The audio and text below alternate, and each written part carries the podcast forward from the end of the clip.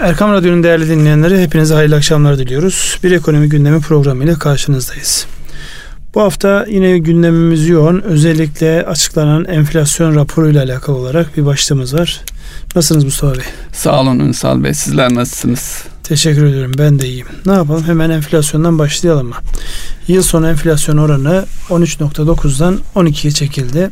Geçen hafta da hatırlarsanız e, Merkez Bankası Para Politikası Kurulu'nun politika faizi ile alakalı yapmış olduğu kararda gelinen noktanın yıl sonu hedefin re- revize edileceğine dair bir beklentimiz vardı ve yaklaşık işte 12 ya da 11'ler seviyesinde olmalı ki net bir getiri elde edilebilsin ve bundan sonra bu biraz netleşti. Sene sonu için 12 diye bir rakam telaffuz edildi. Önce bu rakamı bir yorumlayalım. Yani 13.9'dan 12'ye gelmesini gerektirecek gelişmeler nelerdir? Çünkü arkasından buna bağlı olarak kredi, yeni kredi paketleri bunlarla alakalı ifadeler e, ve konular var. Onları değerlendireceğiz. Buyurunuz. Ee, şimdi gelişmelerde son 3 e, toplantıda Merkez Bankası 1000 puanlık bir indirime gitti. Bu enflasyondaki geri gelmeye bağlı olarak e, gerçekleşti ve enflasyonumuz önceki ay iki haneli rakamların altına geldi. Yani 24'ten 14'e gelişinden bahsediyorsunuz evet, değil mi? Bu ayda e, yine e, düşük tek haneli bir rakam olacağı ifade ediliyor. Tabi Aralık ayında bir Merkez Bankası toplantısı tekrar olacak. Enflasyondaki bu gelişmelere bağlı olarak da e, doğal olarak faizlerin gelmesi de bekleniyor. Artık enflasyonun düşüş sürecinde olduğu ifade ediliyor.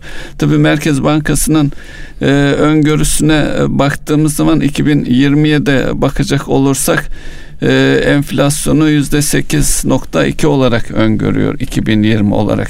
Ama e, piyasanın e, beklentisi de e, 11 Hatta 2022'ye e, bakıldığında Merkez Bankası 5,9'luk bir öngörüye sahipken e, piyasanın beklentisi 9 seviyelerinde. Yani piyasayla e, Merkez Bankası'nın enflasyon öngörüsü arasında bir makas var. Tabi piyasayla e, makas açıldıkça enflasyon beklentilerine yönelik e, bir e, nasıl ifade edelim?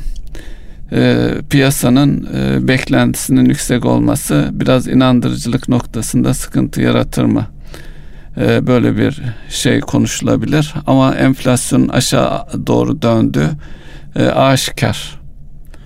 Şimdi burada ee, tabii enflasyon birçok noktada belirleyici. Özellikle istihdam artırıcı yatırımın sağlanabilmesi için. Hala hazırda devam eden işletmelerin e, kredi ihtiyacının karşılanması için finansman maliyetlerinin düşürülmesi gerekiyor. Ve buradaki en önemli gösterge de enflasyon. Tabi bankaların elindeki şu an maliyetleri bu kadar hızlı düşüp düşmediği konusunda çok net veriler yok. Çünkü şu an baktığımızda evet kredilerin de oranları yüksekti, mevduatın da oranları yüksekti. Dolayısıyla şu an bankaların çok hızlı bir şekilde maliyetleri buraya entegre edebilmesi için enflasyonun düşmesi önemli bir gösterge. Ama hemen yansır mı onu zaman içerisinde göreceğiz. Onun haricinde asıl tabii burada önemli başlıklardan bir tanesi kurdaki stabilite. Yani hafta içerisinde e, yine Amerika rahat durmadı. Amerika enteresan bir şekilde Türkiye ile olan ilişkilerin gerilmesinden sanki özel bir e, keyif alan bir politikası var. E, Temsilciler Meclisi'nde Türkiye aleyhinde iki tane karar geçti. Bir tanesi işte ambargo ile alakalı.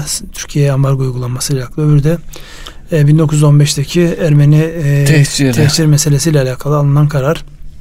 Dolayısıyla bunun senatoya gitmesi, senatoda nasıl karar çıkacağı tabii şu an bilinmiyor. Ama ona rağmen şu an çok gerilme, gerilmiş durumdayız. O yetmiyormuş gibi Fransa'nın almış olduğu e, bir karar var. Türkiye'nin e, Barış Pınarı Hareketi'nin işte kınanması ya da eleştirilmesiyle alakalı bir kararları var parlamentolarında. Yani benim e, işte dünyanın iki yüzlülüğüne şahit olduğumuz ama bu şehadetimizi kimseyle paylaşamadığımız bir dönemden geçiyoruz. Yani e, yakın zamanda daha Mali'de yapılanlar, diğer e, eskiden Fransa'nın sömürgesi olan ülkelerde yapılanlar ortadayken Fransa'nın Cezayir'de yaptıkları. O daha eski, daha yeni işte Mali'de bir e, şey olmuştu. Çok sert müdahaleler. Bir de onlar enteresan bir şekilde yaptıkları çok haber olmuyor. Yani sadece istediklerini haber yapıyorlar. İşte hafta içerisinde yine Amerika'nın çok büyük şeyler olacak falan diye Trump'ın duyurduğu sonra da işte olan 10. kez öldürülmüş olan Bağdadi ile alakalı haberler işte bir de yemin ediyorlar vallahi öldürüldü. Bu sefer gerçekten öldürüldü. Hakikaten öldürüldü. DNA'sında tespit falan gibi. Şimdi bunlara baktığımızda yani haber akışı çok enteresan ve yani Türkiye'nin kendi haklı olduğu noktada eğer haber akışını doğru ayarlayamazsanız e, hak, haklıyken haksız pozisyona gelme riskiniz var. Dolayısıyla e, ya bu töler edilebilir bir şey. Yani bir şekilde yoluna girecek. Yeter ki biz yürüyüşümüzden. Algı operasyonunu iyi yapıyorlar. Bir de e, madalya töreni var. E, o madalya törenine ne diyorsunuz? Photoshop'lu bir e, videoyla e, Trump e, şeyi bulmasıyla ilgili bir köpekten yararlanıyorlar. E, köpek kokuyla buluyor ve onu Twitter'ıyla paylaşıyor ve o bir başka kişiye e, taktığı madalya imiş. Onu photoshoplamışlar ve onu bizzat kendisi paylaşıyor. Bu da algı operasyonu ile ilgili oldukça ortaya çıkacağını bile bile cesurca bir karar diye yorumlanıyor insan. Ya şimdi her toplumun kendi gerçekleri ölçüsünde hareket ediliyor. Yani o toplum televizyonda gördüğü, filmlerde gördüğü her şeyin önemli ölçüde doğru olduğuna inanan bir toplum. Dolayısıyla her toplumun derinliği ona sunulacak veriyi, datayı e, belirliyor. Bizde de herkes her şeyle çok fazla ilgili olduğu için biz de detayları bilmek istiyoruz yani.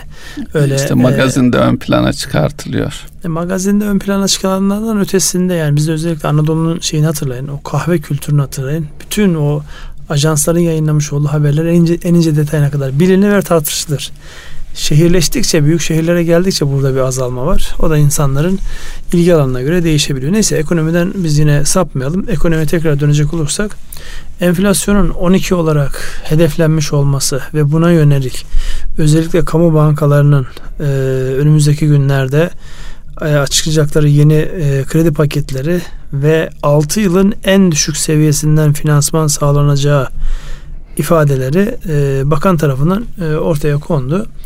Yani şimdi herkes onları bekliyor. Hatırlarsanız geçen haftada yapılandırma ile alakalı çıkan mevzuatın yeniden yapılandırma yani daha önceden bir yapılandırmıştı. Evet. Onun tekrar yapılandırması ile alakalı çıkan mevzuatın detayları bekleniyordu. Ee, Orada neler oluyor yani? Şu an bankalarla reel sektör ne yapıyor? 25 milyon üzeriydi. 25 milyon altı ile ilgili de e, yine Bankalar Birliği nezdinde bir e, taslak ve anlaşma oluşturuldu. 25 milyon altı da yapılandırılabilecek yani tüm krediler yapılandırılabilecek hale geldi diyebiliriz. Ee, bu arada işte tekrar 200 baz puan yine kamu bankaları e, öncelikle e, indirecek finansal maliyetleri. Bunun e, diğer özel bankalara da yansıması bekleniyor. Tabii bu yansımayı da karşılıklar üzerinden, zorunlu karşılıkların etkisi üzerinden yapıyorlar.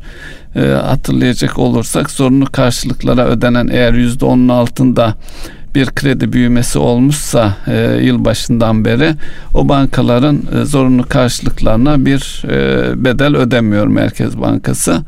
E, bunun üzerinden diğer bankaları da istekli, e, iştahlı hale getirmeye çalışıyor. E, siyasi irade. Tabii oradaki maliyetler belirleyici olacak. Şimdi e, kamu bankalarının e, eskiden kamu bankaları bu tip şeylerde stratejik önemi olan konularda e, gerektiğinde görev zararı denebilecek hususlar daha önceki bankacılık sistemi ve Türkiye'nin daha önceki yönetim tarzında var olan bir alışkanlıktı.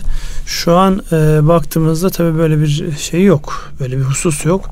Sadece e, büyük havuzların içerisinde, büyük hacmin içerisinde e, bir anlamda piyasa yapıcılığı dediğimiz arkadan gelecek olan diğer bankaların, diğer finans imkanlarının belirlemesi konusunda kamu bankaları öncelik öncülük yapıyorlar.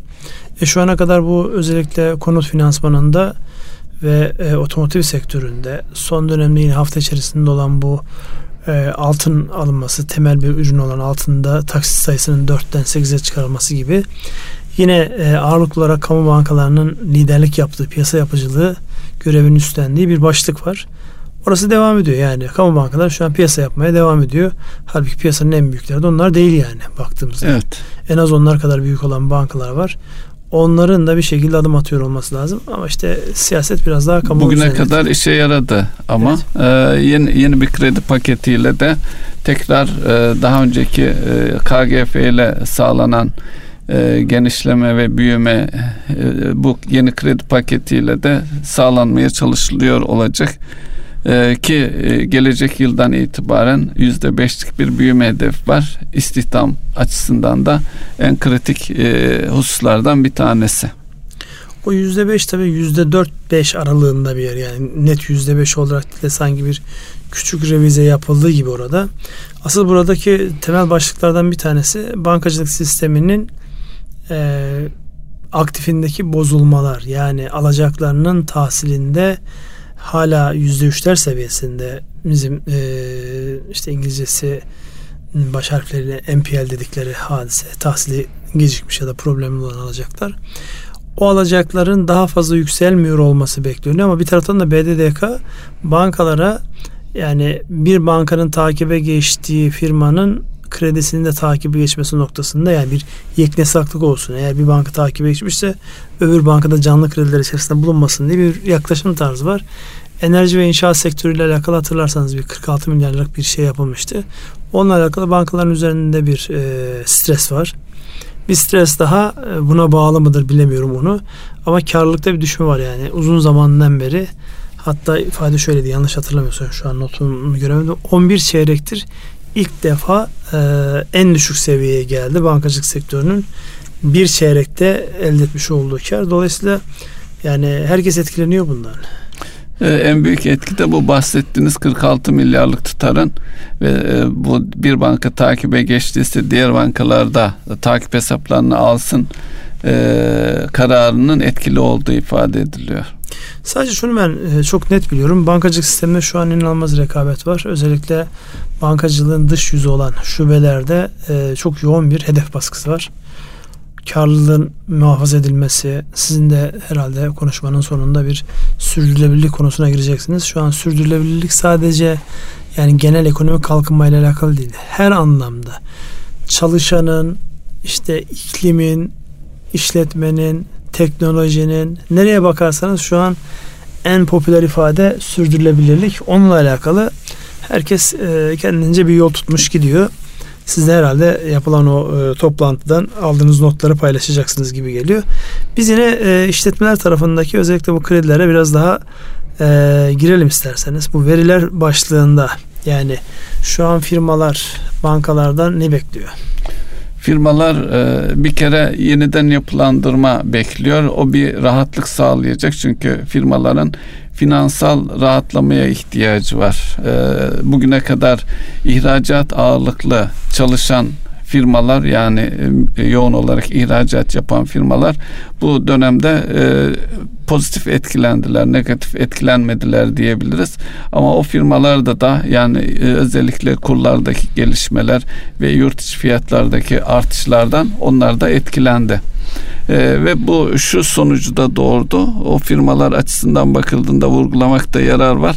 İhracat et, ihracat yaptığımız ürünlerin e, fiyatlarında yani e, yabancı para ithalat ihracat fiyatlarında bir gerileme oldu. Yani daha fazla ürünü daha düşük bedellerle satar hale geldik. Bu da e, handikaplardan, ekonominin handikaplarından bir tanesi. Eski seviyelerine gelmesi için de zamana ihtiyaç var. Yani diğer bir e, ifadeyle Türkiye'den e, mal alan ithalatçı yabancı ülkelerdeki firmalar bu mevcut durumumuzu ciddi biçimde kendi lehlerine kullandılar e, diyebiliriz. Tabii ilk aşamada bu e, finansal maliyetlerin gerilemesine bağlı olarak belki yeniden e, yeni yatırımlardan önce mevcut yatırımların işte yenilemeler e, öne çıkacaktır. E, atıl olan kapasitenin tekrar e, aktif hale getirilmesi için e, acil yatırım ihtiyaçları karşılanıyor karşılanıyor olacak.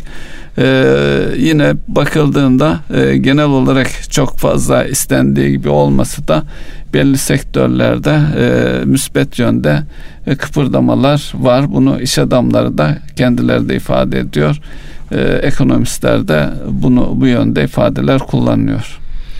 Şimdi bu bir taraftan veriler var. Yani geçtiğimiz hafta içerisinde yayınlanan verilerde bunu e, Hazine ve Maliye Bakanı da konuşmasında belirtmişti e, özellikle güven endeksleriyle alakalı bir toparlama var. Ama e, bugün yayınlanan şeye baktığımızda e, özellikle PMI dediğimiz satın almacılar endeksi. Bu daha çok imalat tarafıyla alakalı bir hadise. Orada endekste biraz e, gerileme var. Yani bir taraftan e, lehe gelen e, gelişmeler öbür taraftan da bazı başlıklarda hala daha e, geri dönüşün hala daha o e, dipten yukarıya doğru dönüşün şeylerinin e, sancıları çekiliyor.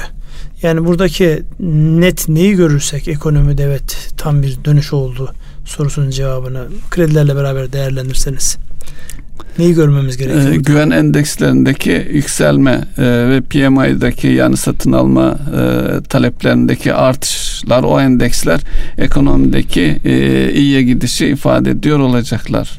Bu iki gösterge hem tüketici tarafından hem de üretici tarafından kritik. Başka e, nelere bakmamız lazım? Siz ne eklersiniz Ünsal Bey? Ya şimdi burada tabii e, özellikle sanayi tarafı, üretim tarafı az önce sizin söylemiş olduğunuz ihracatla alakalı sadece ihracat değil mesela turist sayısında e, en son yayınlanan rakamlarda rekor kırmışız. Yani Türkiye Cumhuriyeti'nin tarihinde en fazla turisti aldığımız dönemi yaşıyoruz. Fakat gelirler hala 2014 yılı gelirler seviyesinde. Bu da şu anlama çıkıyor. Biz henüz daha yani hem imalat tarafında az önce söylemiş olduğunuz o kurlardaki gelişmelerin ve diğer gelişmeleri lehimize e, kullanma noktasında biraz elimiz kuvvetli değil. Hem de turizm noktasında sayıyı arttırmışız ama gelirlerimiz 2014 seviyesinde. Yani bizim katma değerli mal satma noktasında biraz e, parasal anlamdaki gücümüz biraz da işletmelerin bir önceki e, dönemde mesela turizm örneğini verelim. Bir dönem iki sene üç sene çok ciddi sıkıntı yaşadılar.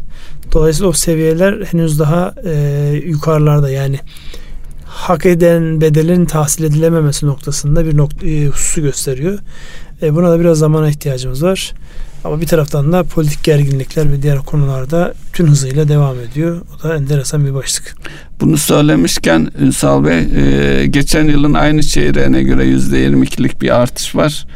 E, turizm gelirlerinde yabancı turistlerin e, harcaması 649 e, dolar seviyelerinde. Bu daha önce çok yüksekti. E, buna karşılık e, bizim vatandaşlarımızın yani yurt dışındaki yaşayan vatandaşlarımızın Türkiye'ye geldiklerindeki harcadıkları para da 789 dolar seviyelerinde. Yani e, bizim vatandaşlarımız gelen turistten daha fazla para harcadığını ifade edebiliriz ki onların büyük bir kısmı da ya kendi evlerinde ya yakından evlerinde yani konaklamada e, ki paylarının düşük olduğunu düşünürsek e, onların kıymetini de bilelim diyebiliriz. Evet onların kıymetini bilelim. Bu arada da daha önceden olmayan bir vergi türümüz oldu olacak. Evet. Yani ee... o konu netleşiyor. Bugün rakamlar yansıdı medyaya. Dolayısıyla konaklama üzerinden 18 lira gibi bir rakamın alınacağına dair artık o detaylarda biraz daha göreceğiz. Öyle bir rakam netleşti. Yeni bir vergi türü. 18 ee, lira fix mi Ünsal Bey? Yani, Oransal değil rakamsa. Şu an 18 e, lira diye piyasaya yansıdığına göre fix, fix bir rakam gibi duruyor. Çünkü fiyatlar fix değil yani fiyatlar evet. farklılaşıyor.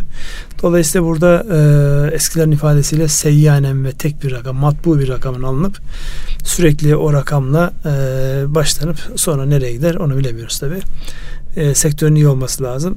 Burada bir zorunluluk var. Bütçe e, dengesinin sağlanabilmesi açısından yeni vergiler ki geçtiğimiz haftada en fazla e, gündem maddesi yapılan başlıklardan bir tanesi bu oldu. Dijital vergi vardı. Bizde. Dijital vergi var. Mevcuttan işte beyana tabi olan e, profesyonellerin e, vergileri var. Orada oranlar artıyor. Ya dolayısıyla bu vergi mevzu başka gündemlerin içerisinde biraz kayboldu gibi ama yani ikili görüşmelerde herkes bir kere daha e, mevzuatın netleşmemiş olmasından dolayı ikinci de her alana dokunuyor olmaktan dolayı anlıyoruz ki herkesin gündeminde bu vergi başlığı var ve olacak önümüzdeki günlerde. Evet burada e, bir şey var. Bu arada e, sizin özellikle sürdürülebilir e, ekonomiyle kalkınmayla alakalı kısım var. Bir haber vardı. İBRD'nin borsadaki hissesini satacağına dair ya da o hissenin varlık fonu tarafından alacağına dair bir haber vardı. Neydi bu haberin? Şimdi e, Hakan Atilla e, Borsa İstanbul'un başkanı e, oldu. Kimdir Hakan Atilla? E, bu e, şey e, Halkbank davasında e, Amerika'da e, Raza Zarap'la e, bağlantılı olarak e, İran'a e, İran'la ticaretin veya e, şeyin para hareketlerinin e, geçtiği e, suçlamasıyla suçlu bulunup Amerika'da yaklaşık iki yıldan uzun bir süre hapis yatmış, e, mağdur olmuş bir e, yöneticiydi. E, döndükten sonra bir süre dinlendi ve e, borsanın başına getirildi. E, EBRD e, Borsa İstanbul'un ortaklarından, küçük ortaklarından. Do, dolayısıyla bu gelişmeyi EBRD e, doğru bulmadığını ifade eden açıklamalar yaptı. Bunun üzerine de EBRD'nin payının varlık fonu tarafından satın almasıyla ilgili ki varlık fonu başkanı genel müdürünün ifade ettiği bir e, bilgiydi bu. Böyle bir e, talep e, süreç başladı. Yani eğer bundan bu yaklaşımdan bu iradeden memnun değilseniz e, buyurun sizin isteğinizi satın alalım gibi bir yaklaşım. Yani bir cevap veriliyor aynı yani anda diye. aynı anda o kadar çok yerden e, Türkiye e, her baskı, yerden baskı var evet. Baskı altında ki yani bir taraftan dünyanın özellikle gelişmiş ekonomileri yani Avrupa'da başta Almanya olmak üzere İran'la ve diğer ülkelerle şeyler devam ediyor. Bütün ambargoların uygulanması hepsi ticaretini devam ettiriyor. Fakat işte kimin kimin dişi kime geçiyorsa, kimin gücü kime yetiyorsa oradan bir şekilde yürümenin derdindeler. Önümüzdeki gündemde de ki bu son Temsilciler Meclisi'nde alınan kararlardan sonra Halk Bankası mevzunun tekrar ısıtılıp e, gündeme getirileceğine dair e, haberler dolaşıyor. Ya bunlar artık e, bir meydana girdiyseniz, iddialıysanız iddianıza karşı olarak başka iddiası olanlar bir e, süreç başlatacaklar. Bu halledilmesi gereken, yönetilmesi gereken bir mevzu. Ben e, İBRD deyince İBRD'nin yayınlamış olduğu e, Türkiye raporu var. Türkiye ile alakalı stratejik rapor var. Mesela orada farklı konularda değerlendirmeler yapmışlar. Bir konudaki değerlendirme çok dikkatimi çekti. O da Türkiye'nin esnekliği yani dayanıklılığı ile alakalı puanı diğer puanların üzerinde. Ben ülkeler arasında varsa böyle bir şey herhalde en üstte yer alıyoruz. En üstte değiliz. OECD'nin 38 ülkesi içerisinde 7. sıradayız. O da çok hmm. ciddi bir e, seviye. Dolayısıyla yani hep zaman içerisinde yaşamış olduğumuz bu e, ne derler baskılar, bu e, sıkıntılar tam kelimeyi de bedel ödüyoruz ama güçlendiriyor. E, bedel ödüyoruz. O bedelin karşılığında yani genetik kodlarda var olan bir şey de aşağı çıkıyor. Dolayısıyla esneklik tarafında yani bir taraftan da raporu e, bulup onun üzerinden bir e, başka başlıklara da bakayım diye uğraşıyorum. Bu arada e, açılmadı ekran onun için bir an tereddüt yaşadım ama en yüksek e, notumuz özellikle şeyde esneklik konusunda, dayanıklılığımız konusunda. Bu da şunu gösteriyor. Bu tip ataklara, bu tip baskılara Türkiye'nin genetik kodlarında bir mukavemet gösterme, bir dayanma, esneklik gösterme konusunda bir becerisi var. Bu beceride o, OECD ülkeleri arasında e, 7. sırada yani en yukarıdan 7. sırada. Diğer konularda bu kadar e, notumuz yukarıda değil ama burada oradayız. Evet. Devam edelim. Evet, e, turizm istatistiklerini konuştuk. Buradan e, dış ticaret istatistiklerine geçelim mi? Ünsal geçelim Bey? dış ticarette açık biraz büyümüş anladığım kadarıyla. E, evet, e, iddia, ihracatımız binde üç, ithalatımız yüzde bir seviyelerinde e, arttı. Dış ticaret açığımızda yüzde altı virgül altı seviyelerinde. E, yani e, 2 milyar 56 milyon dolar e, seviyelerinde bir açıkla karşı karşıyayız. E, ana hatlarıyla. E, tabii ithalattaki gerilemeye bağlı olarak e, bu seviyelerdeyiz. E, büyümeyle birlikte e, bu açığın artması bekleniyor. Tabii finanse edilebilir bir e, e, güçteyiz. Önemli olan e, Türkiye'nin ekonomisinin e, üretim e, odaklı olarak ağırlıklı üretime e, e, yatırım yapmamız, orada büyümemiz gerekiyor. Üretim odaklı bir e, artış, üretim artışı olursa bunların üstesinden rahatlıkla gelip e, borçlarımızı çevirebiliriz. E, borç çevirme noktasında zaten Türkiye'nin şu an bir problemi yok. Yani özellikle kamu borçlanmasında yani özel sektörün özellikle kur farkından kaynaklanan bir e, şok yaşadı. 2018'de ki yani geçen sene Ağustos ayında yaşamış olduğumuz o şeyden sonra baktığımızda şu an Türkiye'de bu anlamda bir mukavemet var. En azından özellikle e, firmaların borçlanmasında eğer döviz üzerinden işlem yapmıyorlarsa borçlanmasında e, TL olarak borçlanmış olmaları ve insanların e, TL'nin de bir ara maliyetlerin yukarıya gitmiş olması mevcuttakini tüketme, var olan rezervleri kullanma öncelikli olarak o konuda e, nispeten firmalar tedbirli oldular ama e, asıl bundan sonraki süreçte büyümeyi sağlayacak kaynak var mı konusunda bankalara ihtiyaç var. Yani zaten bu yapılan bütün stratejik değerlendirmelerde de Türkiye ile alakalı hazırlanan strateji raporlarında da en önemli hadise e, bu sürdürülebilirliğin olabilmesi için gerekli olan kaynağın olması. Çünkü tasarruf bizde düşük. Tasarruf düşük. Yatırıma ayrılacak kaynak miktarı nispeten düşük. Onların hepsinin bir arada değerlendirildiğinde e, Türkiye'nin yatırımlar arttırabilmesi için, üretime geçebilmesi için kaynağa ihtiyaç var. O kaynağı sağlayacak gelişmeleri bekleyeceğiz hepimiz. E, bu arada FED'le ilgili e, bilgi vermekte yarar var sanıyorum. E, FED'in e, faiz toplantısında FED, sıfır, FED kimdir? E, Amerika'nın e, Merkez Bankası 25 e, puanlık bir indirime gittiler e, ve bunun e, sonuçlarında da gerçi daha fazla bir indirim bekleniyordu. Amerika'nın ekonomisinin canlılığını sürdürmek hedefleniyor.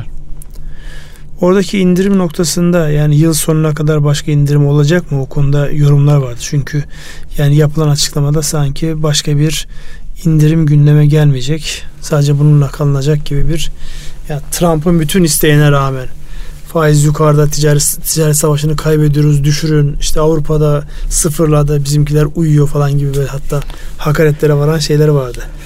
Buradan şimdi 25 bas puan indirince nereye indi? 1.75'e mi indi? 1.75. 1.75'e indi. Burası Amerikan ekonomisinin ihtiyaç duyduğu ya da siyasetin bu anlamda ihtiyaç duyduğu bir şey midir?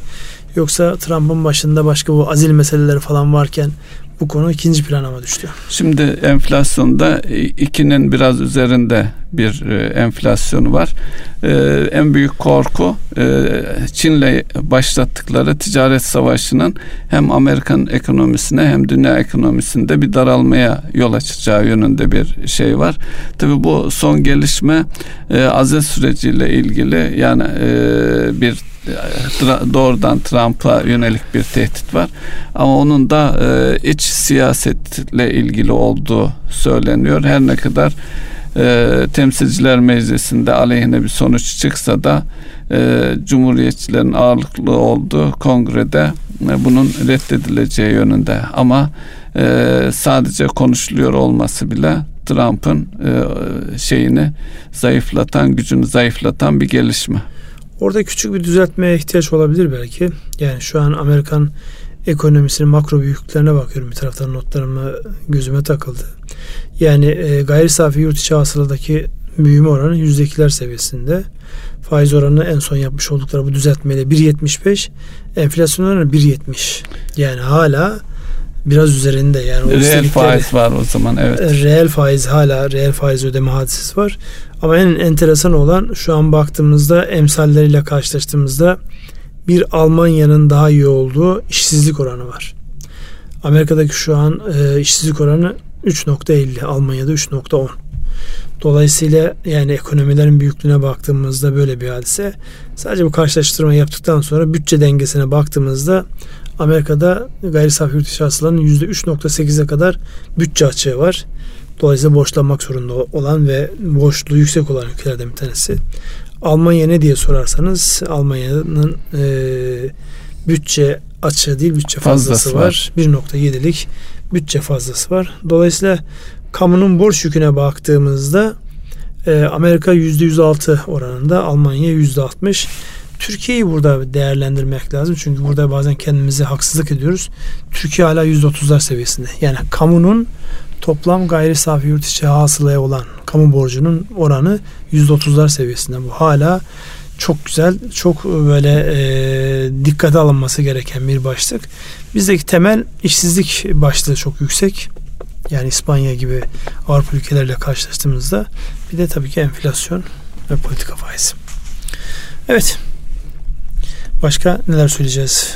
Gündem maddemizdeki şeyleri yavaş yavaş ee, girelim yoksa şu sürdürülebilirlik konusunu konuştuk. Ee, İTO'nun enflasyonunu Ona bir daha girmeye gerek yok. Gerek Orada yok farklı herhalde. bilgiler geliyor. Şimdi evet. Yani bu e, farklı yerdeki enflasyona baktığında sokaktaki insanın gıda enflasyonu, insanların kendi sepetleri bu çok e, tartışılan bir mevzu haline geldi. Çünkü e, bir standardı korumanız lazım sizin. Yani işte Avrupa Birliği'nin standartlarına uygun bir hesaplama tarzınızın çünkü o kıyaslamanın yapılabilmesi için bir de farklı birimlerin yapmış olduğu hesaplamalar var. Onun ötesinde de insanların kendi sepetleri var.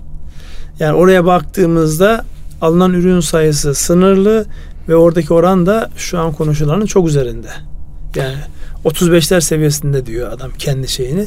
Şimdi onlar girdiğimiz zaman oradan çıkamıyoruz. Ee, şu söylenebilir İstanbul'a göre e, diğer şehirlerimizin enflasyonu daha aşağıda diyebiliriz. Yani Bunu belirleyen onlar, ne? E, bunu belirleyen de algı. Dediğiniz gibi kişilerin e, yaptığı harcamalar, e, aldıkları ürünün bedeli, özellikle gıda fiyatları e, biliyoruz ki Anadolu'da daha aşağı seviyelerde.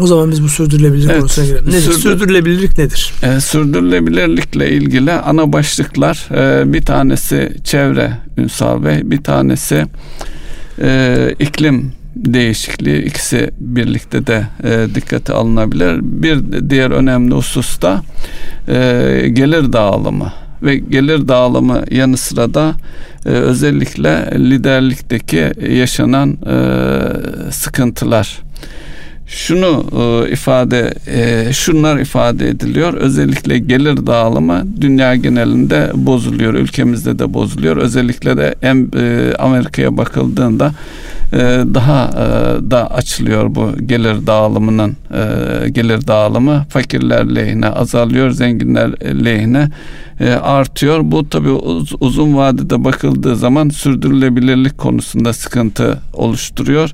Neler oluşturuyor? Katmanlar arasında düşmanlık yani terörizmin kaynaklarının bir tanesi de bu. Ee, bir taraftan da iklimle ilgili e, özellikle son dönemde Amazon'da ki dünyanın yüzde yirmisi e, Amazon ormanlarındaki yüzde yirmi seviyesinde bir azalmanın dünyadaki iklim dengelerini değiştireceği söyleniyor. E, son dönemde Amazon ormanları büyük alanlarda yangınlar çıkartılıyor. Dünyada tepki doğmasına rağmen Brezilya'yı yöneten başkan bunun çok fazla önemsemiyor ve oradaki insanların yani benim seçmenlerim istiyorlarsa ne istiyorlarsa Amazon e, bölgesinde maden aramak istiyorlarsa arayabilirler gibi bir yaklaşım söz konusu. Aynı şey Trump için de söz konusuydu. E, iklimle ilgili anlaşmadan çekildi. Zaten başkan seçildiğinde ilk yaptığı şeylerden bir tanesi bu. E, tabii e, bakıldığı zaman Batı ülkeleri gelişme e, döneminde dünyayı bir hayli kirletmiş durumdalar. Özellikle karbon salınımında e, hele hele Avrupa'da kömür bazlı e, enerji kullanımı, kömüre dayalı enerjiler e, bundan belki 40-50 yıl önce e, şimdi e, diğer bizim gibi kalkınmakta olan ülkeler açısından da e, bu tür e, e karbon esaslı enerji kullanımlarında ciddi bir e, şey var. Caydırıcı e, gelişmeler var. Tabi bunlar da e, nasıl ifade edilir bilemiyorum. Yine tarım alanlarında bir e, daralma söz konusu. 2050 ee, yıllar yılında e, dünya nüfusunun 2 milyar e, seviyesinde artacağı hesaplanıyor. Ama tarımsal alanlar şehirleşme ve diğer gelişmelere bağlı olarak daraldığı için e, sürdürülebilirlik açısından tehditlerden bir tanesi de bu bu olduğu ifade ediliyor. Tabi bu dünyadaki dengelerin bozulmasını önlemek açısından bir takım tedbirler de alınmıyor değil. bununla ilgili finansmanla ilgili bir toplantıya katılmıştım. Orada dünyada iklim bu tür mücadeleyle ilgili yani sürdürülebilirliği sağlamakla ilgili çevre ve enerji konularındaki finansman e, tutarının bir trilyon dolar seviyelerine ulaştığı ifade ediliyor. Tabii bu özellikle finansal kuruluşlar ve e, yatırım yapacak firmalar açısından da daha makul e, oranlarda e, finansmana ulaşmak ve daha uzun vadeli finansmana ulaşmak açısından e, bir fırsat oluşturuyor. E, Tabi burada sadece devletlerin kararı yanı sıra tüketicilerin de kararı, e, bireylerin de kararı etkili. E, şöyle ki eğer aldığınız ürünün fiyatı e, çok ucuzsa büyük ihtimalle orada çevreye özen gösterilmemiştir veya çocuk e, işçi çalıştırılmış e, gibi bir takım varsayımlar, e, gerçeklikler var.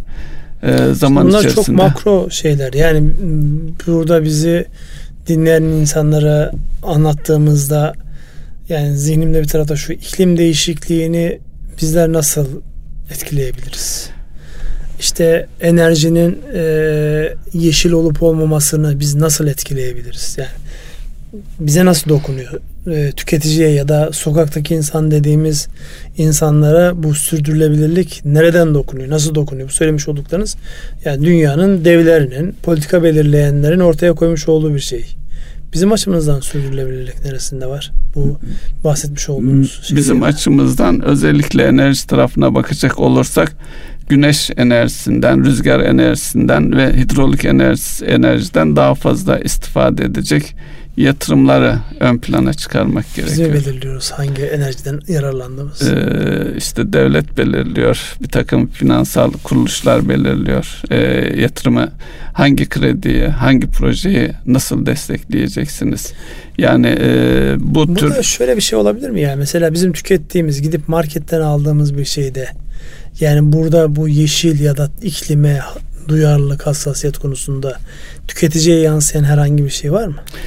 Şimdi bazı etiketlerde Türkiye'de e, pek yok ama bazı ülkelerdeki etiket üzerinde bir takım işaretler var. E, üretimin nasıl sağlandığına ilişkin. Mesela belli ülkelerdeki ürünlerin e, alınmaması yönünde şeyler var. Mesela e, özellikle uzak doğuda Bengaldeş gibi diğer fakir ülkelerdeki e, tekstil ürünlerin alınmaması yönünde batı ülkelerinde şeyler var. Vakti zamanında İngilizler bir sürü çocukları çalıştırıp yani e, ekonomilerini devasa yaparken bir şey yoktu da şimdi. Hatta köleleri çalıştırdı. Köleleri çalıştırdı. ne oldu işte şimdi? onlar e, artık e, onlar daha önce yaptıkları için şimdi bunları yapamadıkları için tüm dünyaya e, nizamat vermeye çalışıyorlar. Ya ben burada tabii sürdürülebilirlik konusunda özellikle işletmelerde yani en temel başlıklardan bir tanesi e, yapılan şeylerin bir kerelik değil arkasının gelmesiyle alakalı kısma gireceksiniz diye böyle dört gözle merakla bekliyorum ama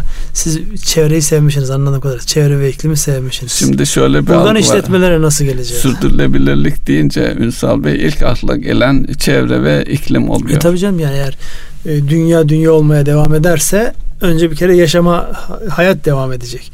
Ee, özellikle az önce bahsetmiş olduğunuz bu Amazonlardaki yağmur ormanlarındaki yangınlar, tahribatlar, e bunlar dünyanın bütün geleceğini bilir. İşte dünya ısınıyor.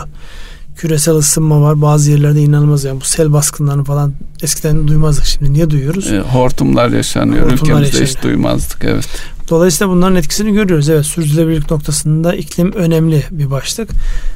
İşte birey anlamında ne yapacağız? İşte bu karbon emisyonu ile alakalı ne yapmamız gerekiyor? Hani bir ara çok yaygın da şunu da sık kadar duymuyoruz. Karbon ayak izlerinizi ölçün ne kadar çevreyi kirletiyorsunuz bununla alakalı bir bilinçlenme oluşsun gibi e, başlıklar vardı. Şu an artık eskisi kadar duymuyoruz ya artık kanıksadı insanlar yani artık bilinç oluştu zaten yapıyor insanlar o anlamda çıkabilir ya da aman işte modaydı geldi geçti de diyor olabilir insanlar hangisi? Ee, o zaman israfa girmek lazım.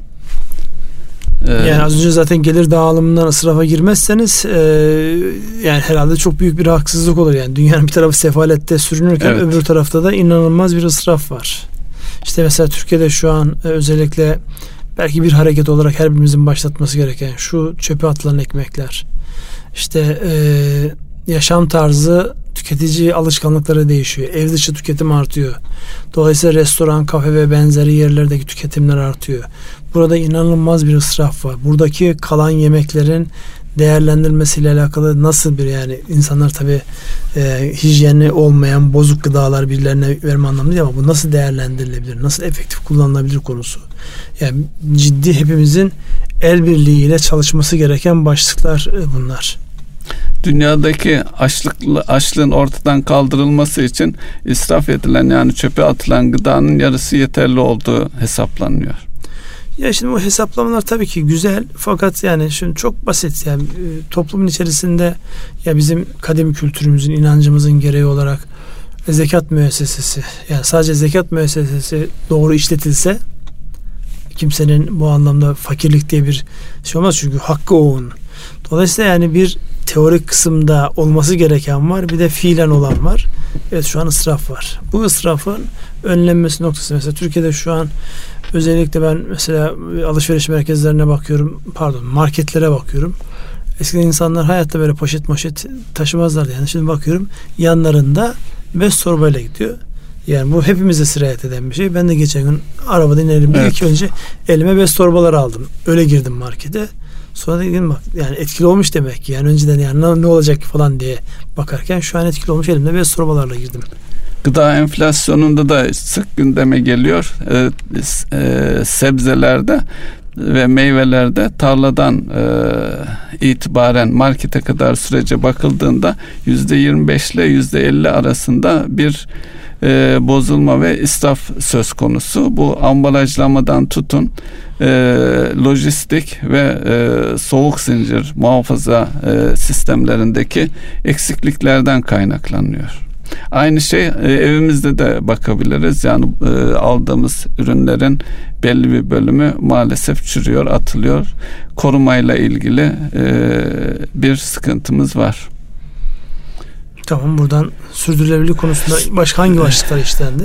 Ve o 1 trilyon dolarlık finansman dediğiniz şey neyle alakalı? Ee, çevreci projelerin finansmanıyla ilgili e, e, ulaşılan bir rakam olarak ifade ediliyor. Yani finansal kuruluşlar e, tabii işin ucunda imaj da var. İmajlarını topluma karşı e, rekabet avantajı oluşturacak şekilde ifade etme isteği de var. Ama neticede lehe bir durum. Dolayısıyla yatırım yapacak firmalar açısından da dikkate alınacak bir konu. E, Türkiye'deki e, bankalar içerisindeki 7 bankada anlaşma yapıp bununla ilgili daha fazla bankanın katılması yönünde bir e, talep var. Buradan firmaların sürdürülebilirliğine e, geçelim istiyorsunuz Ünsal Bey. Burada da firmalara bakıldığı zaman e, neticede firmanın faaliyet gösterdiği sektör alan neyse o firma e, kişilerin e, şeyinden e, bağımsız olarak e, hayatiyetini sürdürmesi için neler yapması gerektiğini konuşalım istiyoruz. Şimdi deminden beri onunla da konuşacağız da deminden beri bu e, İBİAD'ın yayınlamış olduğu rapordan Türkiye'nin hani dedim ya belli başlıklarla yayınlanmış. Siz o yeşil ekonomiden bahsederken Türkiye'nin yeşil ekonomiyle al- alakalı almış olduğu endeks puanı 5.31. Yani bu ne anlama geliyor? 38 ülke arasından 21. sıradayız. Halbuki az önce söylemiş olduğumuz o dayanıklılık yani e, olumsuz gelişmelere, ekonomik esneklik. E, esneklik noktasına, dayanıklık noktasına baktığımızda 38 ülke arasından e, 7. sıradaydık. Dolayısıyla yani dünya ne yapıyor sorusunun cevabı Amerika'ya çok rahatlıkla söylüyoruz ama Türkiye'de de henüz bu anlamda yani yeşil ekonomi anlamında endeks noktasında gidilmesi gereken daha ciddi mesafelerin olduğunu buradan çok rahatlıkla net bir şekilde söyleyebiliriz. Başka başlıklar da var. İsterseniz onu bir bu vesileyle ben bir e, Dünya e, İBRD'in yani Avrupa e, Yatırım ve İmar Bankası'nın yayınlamış olduğu bu rapordaki birkaç tane başlıktan bahsedeyim. Dayanıklık bir tanesi, rekabetçilik bir başkası, e, kapsayıcılık yani kaliteyle alakalı olarak e, kapsayıcı daha yapıcı bir yaklaşım. Burada maalesef e, şeyimiz çok gerilerde 31. sıradayız 38 ülke arasında. E, iyi yönetim konusu mesela çok enteresandır. Bu e, corporate governance dedikleri işte paydaşların e, doğru bilgilere dayanarak yönetmesiyle alakalı mesela 38 ülke arasında 9. sıradayız. Dolayısıyla buraya baktığımızda yani iyi olduğumuz şey e, yönetimdeyiz. Emsalleriyle alakalı kıyasladığımızda yönetimdeyiz ama çevrecilikte o kadar iyi değiliz. 38'den 21. sıradayız ama bu kalite mevzuunda maalesef orada daha bir gerideyiz. Yani kapsayıcılık diye e, başlığı o şekilde koymuşlar. Buradaki yerimiz 38 ülkeden 31.lik. Yani iyi olduğumuz yerlerin güçlendirmeye devam edip zayıf olduğumuz yerlerin, güçlenmesi gereken yerlerin de farkındalığına varıp orada neler e, yapılabileceğini görmek. Tabi gelişmekte olan bir ekonomiyiz. Özellikle bu çevre noktasında yani sahip olduğumuz belli kaynakların kullanım noktasında e, bizim ihtiyacımız var. Mesela Türkiye'nin en büyük e, dış ticaret açığı ya da cari açığın kaynağı nereden geliyor? Enerjiden geliyor. Şimdi enerjide bu kadar açık veren ülkenin elinde dünyanın en büyük lignit yatakları var. Ama lignitle alakalı siz bir yatırım yaptığınızda hemen böyle çevreciler bir hoplayıp zıplıyorlar. Yani ee, ne oluyor şeklinde. Mesela enerji üretimine baktığımızda şu an Türkiye'de hala hazırda e, üretilen enerjinin yani daha doğrusu kapasitenin diyeyim e, %31'i kömürden %38'i doğalgazdan ama üretim tarafında %20'lere kadar geriledi. Çünkü doğalgaz fiyatları yukarıda olduğu için. Kapasitenin %20'si hidroelektrikten, barajlar ve nehir tipi e, hidroelektrik santrallerinden diğer yenilenebilir yani rüzgar, e, güneş ve diğer yenilenebilir kaynaklardan jeotermalde %10 kapasiteye ulaşmışız. Petrolün petrolden enerji üretimi noktasında %1'ler seviyesinde. Buraya baktığımızda mesela kömür doğalgazdan sonra en büyük kapasite ama üretim noktasında en büyük kapasite. Yalnız e, kömürde e, gelişmeler yani teknolojik gelişmeler çevre açısından e, riskleri minimuma indirmiş durumda aslında. Ya bir riskler iniyor. Ama çok fazla öne çıkmıyor. Ama işte yer altında sıvılaştırmayla alakalı teknolojiler geliştirdi yani Amerika'nın yapmış evet. olduğu şeylerin bir kısmı işte kaya gazı teknolojisi bir kısmı da işte kömürün yer altında sıvılaştırılmasıyla alakalı. Orada e, şu an kimyasal olarak ismini hatırlayamadım. Üretilen e, sıvıdan ya da kimyasaldan e, enerji üretimiyle alakalı çok ciddi teknolojik gelişmeler var. Türkiye bu açıdan fevkalade önemli. Yalnız orada onu yapabilmek için kullanılan teknolojiler de çevreyi kirletiyor. Özellikle yer altındaki o sıvılaştırmayla alakalı kullanılan su kaynakları yer altındaki başka su kaynaklarının kirlenmesine sebep oluyor falan diye böyle bir hikaye anlatılıyor.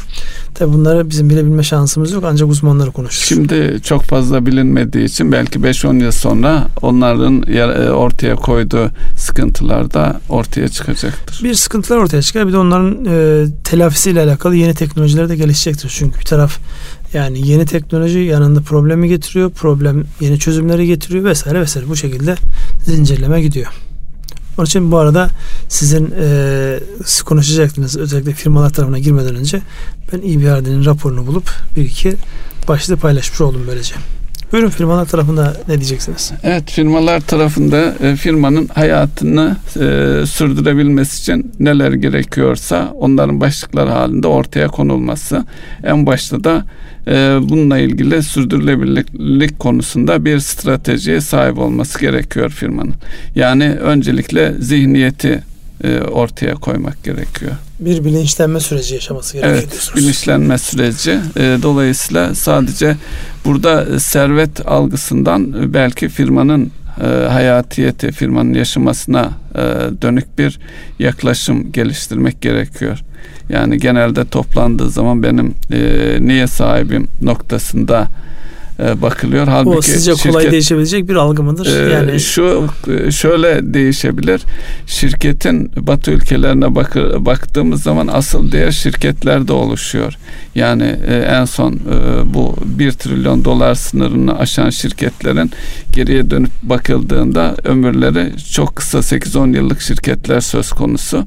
Buradaki ürettikleri katma değere e, bakılarak ve oradaki e, değer üzerinden de şirket değerlerine ulaşılıyor. Eğer şey, şirket sahipleri şirketinin değerinin e, yükseleceğini hele hele e, piyasa de, borsa ve piyasa e, derinliği açısından bakıldığı zaman orada ciddi bir fırsatlar var ama henüz o fırsatları görme veya o noktada bilinç eksikliği yaşıyoruz.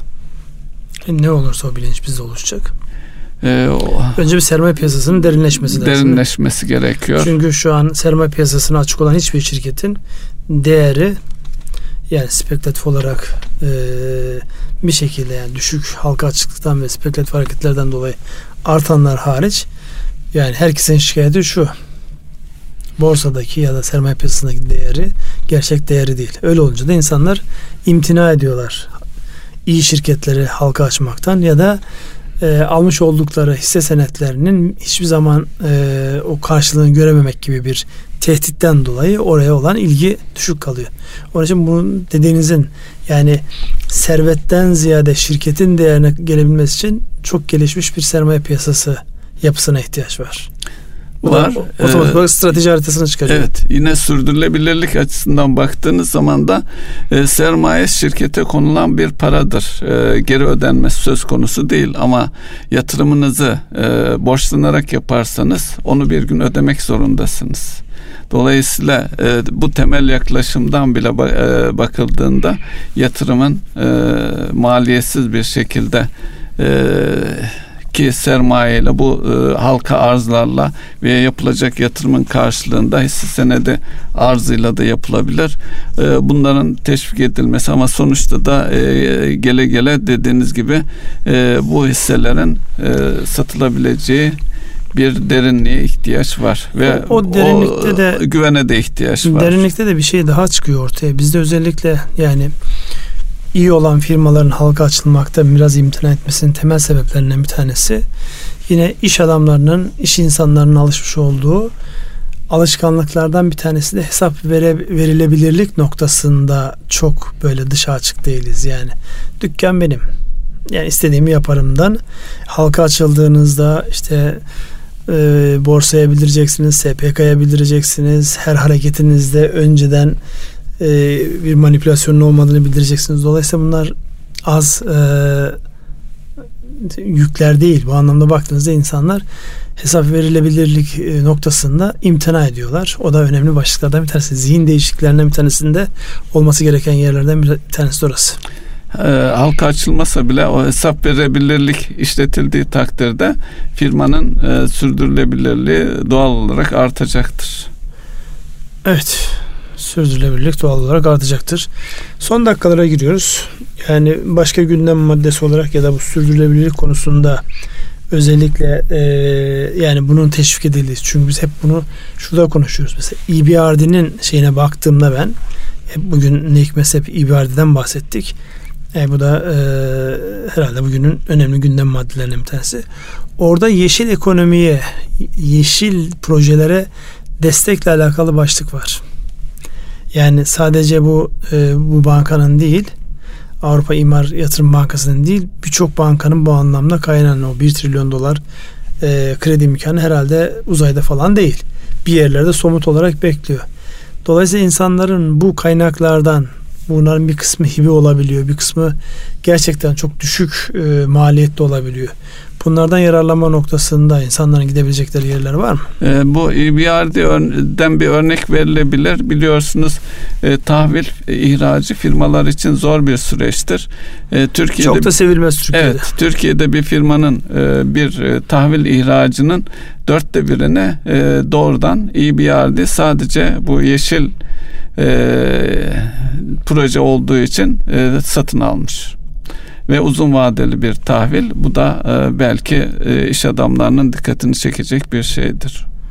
Ya o önemli bir başlık. Yine ben bu e, Türkiye ile alakalı EBRD'nin yayınlamış olduğu Avrupa İmar Bankası'nın yayınlamış olduğu rapora baktığımda yani özellikle olarak bu çevre hassasiyeti olan e, karbon emisyonu, iklim değişikliğine sebep olmayacak yatırımların teşviki ile alakalı başlıklar var. Belki e, meraklısı bu işe e, ilgi duyan insanların e, yani gidip incelemesi gereken ya da bu anlamda danışmanlık yapan kuruluşlar var. Onlardan bu anlamda destek almaları e, iyi olabilir. En azından ne olduğunu görmek açısından bir fikir sahibi. Çünkü onlar kendileri arasından şöyle bir e, parmak basmışlar. Türkiye'de bu konudaki hassasiyetin hepsini biz destekliyoruz gibi bir şeyleri var. Bank olarak o stratejide bank olarak ne yapabiliriz başlığında bunları anlatmışlar. O da bir husus olarak duruyor orada. Brexit ile ilgili bir şey Evet onu da söyleyeyim misiniz? yavaş yavaş e, toparlayalım. Brexit ile alakalı yani bu İngiltere'nin ne yapmaya çalıştığı konusunda yine bir kafalar karıştı. E, seçim seçime gidecekler. Gidebe. Arkasından da bir e, referandum e, Gidebilecekler mi acaba? O da e, sıkıntılı. Gidecekler diyorlar artık yani o noktada. Biliyorsunuz reddedildi şey. Bir tanesi reddedildi. Yeniden mi geliyorlar? Ee, Dolayısıyla yani orası e, olabilecek bir hadise değil.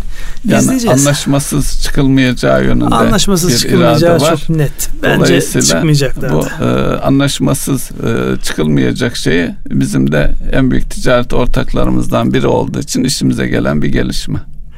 Yani işimize geliyor. Geçen defa da konuştuk. İngiltere bizim için önemli. Dış ticaret fazlası verebildiğimiz tek ülke. Her defasında altını çiziyoruz. Hafif alınmasın bu. Yani e, her ülkeyle dış ticaretimiz gelişsin diye toplantılar yapılıyor, anonslar yapılıyor. Burada fiilen dış ticaret fazlası verdiğimiz ve fena olmayan bir kapasitemiz var. Onun için İngiltere bizim için önemli. Yani orada e, anlaşmasız bir çıkış hatta gümrük birliği düşündüğümüzde belki kalması faydalı bile olabilir. Ama tabii Türkiye'nin gümrük birliği konusunda değerlendirmesi gerekiyor. Evet. Süremizin sonuna gelmişiz. İşaretler o yönde. Neyle bağlamak istersiniz? Buyurun. Bağlamayacağım diyorsunuz. Öyle mi? Siz bağlıyorsunuz. Ben Erkam Radyo'nun değerli dinleyenleri bir ekonomi gündem programının daha sonuna geldik. Sürçülisan eylediysek affola. Böyle iklim değişikliğinin yağmurun yoğun olduğu biraz da böyle enerjinin düşük olduğu bir havada elimizden geldiğince ekonomideki önemli bulduğumuz başlıklara değinmeye çalıştık. Hepinize hayırlı akşamlar diliyoruz. Hayırlı akşamlar.